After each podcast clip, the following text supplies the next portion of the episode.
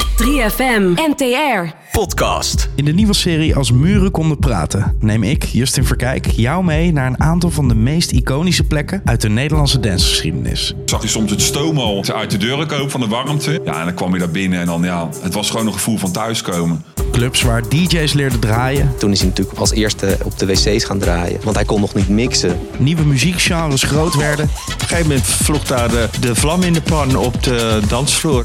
en openingstijden steeds iets verder werden opgerekt. Zullen we met z'n allen aftellen van 9, 8, 7, 6 en dan bam, dan beuk die muziek erin. Ja, dan ging het gewoon door tot 11, 12 uur, soms 1 uur 's middags.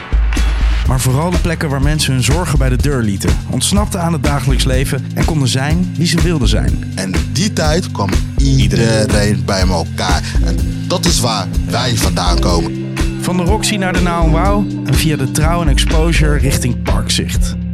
Ga je mee?